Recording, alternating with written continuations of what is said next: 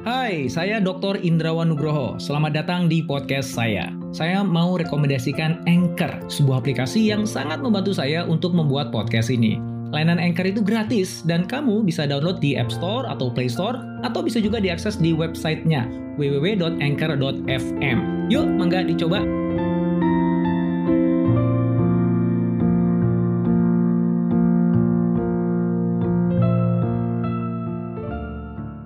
Intel yang selama 50 tahun menjadi raja industri mikroprosesor dunia kini mulai kehilangan pamor dan juga pangsa pasar.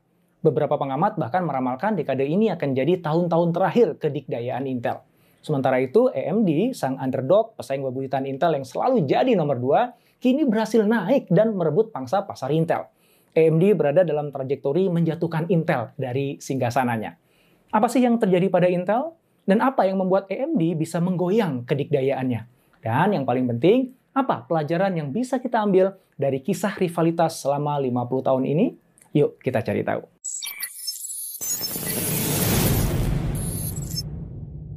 Saya akan mulai dengan menceritakan kisah kedua perusahaan ini sejak pendiriannya 50 tahun yang lalu, hingga mengurai bagaimana AMD, sang underdog yang selalu kalah bersaing melawan Intel, berhasil menggoyang sang raja dari tahtanya. Setelah itu kita akan bahas pembelajaran penting yang bisa kita dapatkan dari rivalitas kedua perusahaan ini. Intel dan AMD sesungguhnya memiliki akar yang sama. Para pendiri kedua perusahaan ini sebelumnya bekerja di perusahaan yang sama, yaitu Fairchild Semiconductor Company di San Jose, California, yang sekarang ini kita kenal dengan Silicon Valley. Sebagai engineer muda, mereka ingin mengembangkan produk-produk yang lebih inovatif. Namun sayang, atasan mereka memilih sikap berhati-hati hingga akhirnya menggugurkan aspirasi mereka. Maka pada tahun 1968, Robert Noyce dan Gordon Moore keluar dari Fairchild, kemudian mendirikan Intel. Andy Grove bergabung dengan Intel sebagai karyawan pertamanya. Setahun kemudian, delapan karyawan lainnya ikut keluar dari Fairchild, kemudian mendirikan perusahaan bernama Advanced Micro Device, disingkat dengan AMD. Awalnya, Intel maupun AMD memiliki posisi pasar yang kurang lebih sama. Hingga suatu hari, IBM memilih chip Intel dengan arsitektur x86-nya untuk mentenagai semua personal komputer yang mereka tengah buat. Sejak itu hingga hari ini, mayoritas komputer apa pun mereknya menggunakan arsitektur x86 milik Intel tersebut. Dalam waktu singkat, Intel mengungguli AMD. Kemudian, sesuatu yang menarik terjadi. Untuk menghindari monopoli, IBM meminta Intel untuk mencari pemasok lain yang bisa memproduksi chip x86. Dan masuklah AMD dengan lisensi dan spesifikasi untuk chip 286 dari Intel. AMD mulai memproduksinya untuk IBM. Namun Intel yang nggak ingin pangsa-pasarnya tergerus oleh AMD mengembangkan chip seri 386 yang lebih bertenaga dan menolak memberikan AMD lisensi dan spesifikasi untuk chip 386 tersebut.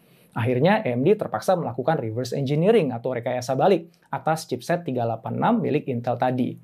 Namun sebelum AMD bisa membangun versi 386-nya, Intel mengeluarkan seri 486. Meskipun versi 386-nya AMD itu jauh lebih baik dari Intel, bahkan bisa mendekati seri 486-nya Intel dari sisi kinerja, namun waktu yang dibutuhkan untuk merekayasa ulang chip akan selalu membuat AMD tertinggal dari Intel. Hampir sepanjang masa berdirinya, AMD menjadi underdog dari Intel yang mendominasi semua sektor pasar PC, termasuk prosesor berkinerja tinggi. AMD fokus pada chipset kelas menengah dan bawah yang ramah anggaran. Chip Intel memiliki reputasi lebih stabil dan mudah digunakan untuk mayoritas pengguna komputer. Sementara AMD lebih disukai oleh para pengguna advance yang tahu cara melakukan overclocking pada prosesor untuk membuatnya bekerja lebih cepat. Pada tahun 2005, Apple yang sebelumnya menggunakan chip PowerPC beralih menggunakan Intel untuk mentenagai seluruh lini produknya. Nah, hal itu makin meneguhkan Intel sebagai penguasa pasar mikroprosesor yang nggak ada tandingannya. Perlu diketahui juga ya bahwa Intel jauh lebih unggul di atas AMD dalam hal pemasaran. Intel mengganti merek x86 menjadi Pentium, sebuah nama yang lebih akrab sehingga mampu menjangkau masyarakat umum yang lebih luas. Pentium dan Intel Insight telah terbenam dalam pikiran kita semua. Dan itu membantu Intel menjual lebih banyak produk. Beda dengan Intel yang fokus pada pemasaran, AMD fokus lebih banyak pada research and development. Pada tahun 2007, AMD meluncurkan prosesor dual core yang pertama bernama AMD Athlon 64X2. Tapi sayangnya, seperti biasa, AMD nggak memasarkannya dengan baik. Satu tahun kemudian, meluncurlah Intel Core 2 Duo yang dipasarkan secara ciamik oleh Intel dan akhirnya berhasil menguasai pasar. Selama bertahun-tahun, sepertinya AMD ditakdirkan untuk memainkan posisi kedua setelah Intel dalam pangsa pasar mikroprosesor. Tanpa banyak persaingan, inovasi di Intel jadi melambat. Hampir semua penawaran baru dari Intel hanya memberikan sedikit peningkatan kinerja dari generasi ke generasi cukuplah untuk membuat pendapatan bisa tetap mengalir ke perusahaan. Intel akhirnya terjebak dalam birokrasi. Para engineer terbaik Intel mulai pergi meninggalkan perusahaan. Intel dipimpin oleh mereka yang tidak punya visi teknologi. Fokus mereka adalah menguruk keuntungan secepat-cepatnya. Maka ketika Apple datang untuk meminta Intel mendesainkan dan memproduksi chip untuk iPhone, mereka nolak. Alasannya sederhana. Menurut perhitungan, penawaran itu nggak cukup menguntungkan untuk Intel. Sebuah keputusan yang kemudian disesali Paul Otellini, CEO Intel pada saat itu. Lalu bagaimana Intel tetap bisa memimpin pasar di tengah melambatnya inovasi mereka? Jawabannya, selain melakukan rangkaian kampanye marketing yang ciamik, Intel melakukan praktek anti kompetisi. Selain melanggar kontrak kerjasama dengan AMD, Intel sengaja memberikan informasi palsu untuk menghambat perkembangan AMD. Intel juga menyogok perusahaan-perusahaan seperti NEC, Hitachi, Toshiba, Fujitsu, Sony, hingga Dell, HP, dan Lenovo untuk tidak menggunakan chip AMD dalam produk-produk mereka. Di tahun 2009 terungkap Intel membayar Dell hingga 6 miliar US dollar. Selain itu, di tahun 2010 Intel juga ketahuan memasukkan data hasil benchmark dengan menggunakan custom code yang membuat prosesor Intel seolah-olah bekerja lebih baik dari AMD. Hai, sebelum kita lanjut podcastnya, kamu sudah pernah dengar Anchor kan? Anchor adalah all-in-one podcast editing platform yang saya gunakan untuk rekaman, edit suara, tambah lagu, dan semua hal dalam pembuatan podcast yang sedang kamu dengerin ini. Anchor bisa membantu kamu bikin podcast kamu sendiri loh. Caranya gampang, tinggal download dari App Store atau Play Store, atau bisa juga diakses di www.anchor.fm. Download Anchor sekarang ya, pada tahun 2014, Dr. Lisa Lu diangkat sebagai CEO AMD. Fokus beliau saat itu adalah menyederhanakan perusahaan dan mempercepat pengembangan teknologi baru. Pada tahun 2017, AMD memperkenalkan prosesor Ryzen berdasarkan arsitektur mikroprosesor Zen baru mereka. Ini adalah alternatif yang lebih terjangkau untuk CPU kelas atas dan produk yang mampu menantang chip Intel terbaik. Inilah titik awal AMD dalam menggoyang tahta Intel sebagai produsen mikroprosesor pilihan pelanggan. Setelah peluncuran arsitektur Zen baru tersebut, pangsa pasar Intel untuk pasar konsumen turun menjadi 69 dari 81 persen di tahun sebelumnya.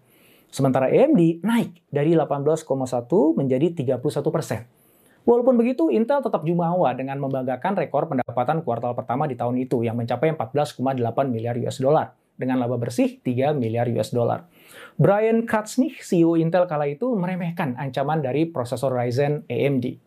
Namun, menurut data CPU benchmark dari Fastmark Software di kuartal pertama tahun ini, di 2021 ini, AMD menguasai 39,4% pangsa pasar untuk semua jenis CPU, sementara Intel menguasai 60,6%. Hebatnya, untuk pangsa pasar komputer desktop, AMD bisa mengungguli Intel dengan 50,7 pangsa pasar. Sementara Intel pangsa pasarnya turun menjadi 49,3 persen. Di tahun yang sama, saat AMD merilis prosesor Ryzen-nya, Apple yang produk komputernya mengandalkan prosesor Intel mengeluhkan prosesor buatan Intel yang nggak bisa mengikuti peningkatan kapabilitas yang diharapkan Apple. Sering bermasalah katanya, dan juga panas. Namun sayang Intel terlihat nggak serius dalam menangani keluhan Apple tersebut. Akhirnya di tahun 2018, setelah 15 tahun kemitraan, Apple mengumumkan bahwa mereka akan meninggalkan Intel. Apple memutuskan untuk merancang chip mereka sendiri bernama Apple Silicon yang berbasis arsitektur ARM dan mengalihdayakan pembuatannya ke Taiwan Semiconductor Manufacturing Company atau TSMC. Apple merilis Apple Silicon pertama yang diberi nama M1 pada tahun 2020. Semua laporan benchmark menunjukkan chip M1 ini yang berbasis ARM lebih cepat daripada chip Intel menghasilkan lebih sedikit panas, dan menggunakan daya yang jauh lebih sedikit.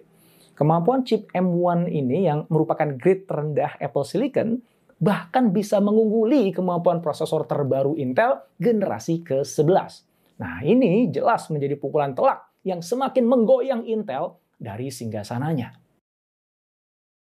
Pukulan berikutnya datang dari Nvidia. Melihat kedikdayaan arsitektur ARM yang digunakan Apple, perusahaan yang memproduksi grafik processing unit itu mengumumkan akan mengalihkan sebagian besar produknya untuk menggunakan arsitektur ARM. Selain membangun CPU bernama Grace yang berbasis ARM, Nvidia juga membangun SGX SuperPod, sebuah AI superkomputer berbasis cloud yang juga menggunakan arsitektur ARM. Samsung, Qualcomm, dan Microsoft juga dikabarkan akan memproduksi chip mereka sendiri dan meluncurkan laptop berbasis ARM. Dunia sepertinya bergerak ke arah ARM. Kenapa hal ini menjadi pukulan pamungkas untuk Intel? Karena semua chip Intel didesain dengan menggunakan arsitektur x86 buatannya. Maka jika banyak komputer beralih menggunakan chip berbasis arsitektur ARM, maka Intel menjadi nggak relevan. Intel akan kesulitan menjual produknya karena nggak kompatibel. Nah, saat ini AMD sedang bekerja keras merancang chip berbasis ARM yang digadang-gadang akan menjadi rival kuat Apple Silicon. Bagaimana dengan Intel? Intel ternyata nggak punya rencana untuk mengadopsi ARM dalam produk-produknya. Setidaknya tidak dalam waktu dekat ini. Tentu saja Intel nggak tinggal diam ya. Intel siap melawan balik. Nah, sebelum saya share apa strategi Intel selanjutnya, yuk kita bahas dulu lessons learned dari kisah rivalitas ini. Yang pertama, marketing yang ciamik nggak bisa menggantikan produk yang hebat. Selama bertahun-tahun, Intel berupaya menutupi kekurangan inovasi teknologinya dengan memainkan persepsi pasar dengan kecerdikan strategi marketingnya. Namun, seperti yang diajarkan Pak Hermawan Kertajaya dalam segitiga PDB-nya, ketika positioning yang dibenamkan ke kepala pelanggan itu nggak sesuai dengan differentiation-nya, artinya kualitas produk nggak sesuai dengan apa yang diposisikan penjual, maka brand integrity-nya akan rusak. Brand image ikut luntur. Bahkan bisa jadi identitas mereknya jadi berubah negatif di benak pelanggan. Yang kedua, integrasi vertikal itu bagus kalau Anda mampu melakukannya. Kalau enggak, maka itu akan jadi beban yang berat. Beda dengan AMD dan Apple yang mendesain chip sendiri namun mengalidayakan produksinya ke perusahaan lain seperti TSMC, Intel melakukan keduanya secara mandiri. Pada awalnya Intel bisa mendesain dan produksi chipnya tanpa masalah. Karena saat itu Intel didukung oleh para engineer terbaik dan dipimpin oleh CEO yang punya visi teknologi. Namun ketika para engineer hebat ini pergi dan Intel dipimpin oleh CEO yang lebih suka membahas isi spreadsheet daripada mengulik teknologi, apalagi ditambah dengan perkembangan teknologi mikroprosesor yang semakin rumit, Intel jadi kedodoran. Ketiga, keterbatasan dan kelemahan bisa jadi sumber kekuatan. Sementara kekuatan justru bisa jadi sumber kekalahan. Begitu kata Malcolm Gladwell dalam bukunya David and Goliath. Kesuksesan Intel yang tiada lawan itu akhirnya menjadi racun untuk dirinya sendiri. Intel tidak hanya terlena dan berhenti berinovasi, ia bahkan berbuat curang untuk menutupi kekurangannya. Sang raja berperilaku layaknya pecundang. Sementara AMD yang terpojok menjadi lebih fokus. Kreativitasnya muncul, adrenalin memuncah, kemudian berjuang membalikkan keadaan. Apa yang dipikir tidak mungkin menjadi kenyataan. Di awal 2021 ini, Intel mengangkat Pat Gelsinger sebagai CEO menggantikan Bob Swan.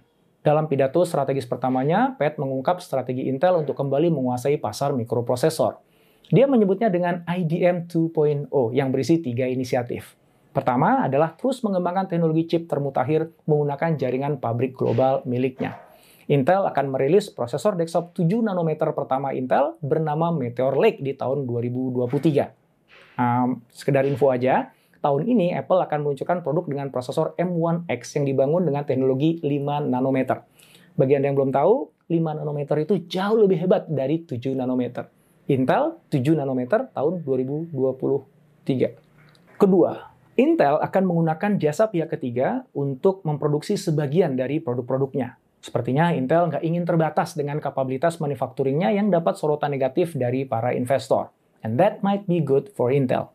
Yang ketiga, Intel akan membangun world-class foundry service, di mana Intel akan menjadi seperti TSMC, menjadi pabrik produksi chip untuk perusahaan-perusahaan teknologi lainnya. Dan untuk mensukseskan strateginya itu, Intel aktif mengambil hati para produsen PC. Salah satunya adalah melakukan kampanye iklan yang dibintangi Justin Long, yang dikenal dengan The Mac Guy dalam iklan Mac versus PC zaman dulu. Dalam iklan itu, Justin mengolok-olok produk Apple dan memuji-muji habis produk PC beragam merek. Sepertinya Intel sakit hati banget ya diceraikan sama Apple. Nah, nggak tahu malunya, di tengah itu Pat Gelsinger mendekati Apple agar mau memproduksi chipset M1 Apple di dua fasilitas barunya yang akan dibangun di Arizona. Kubrak. Oke, bagaimana menurut Anda nih? Apakah Intel akan bisa mengembalikan kejayaannya atau justru semakin hari akan semakin terpuruk? Kenapa?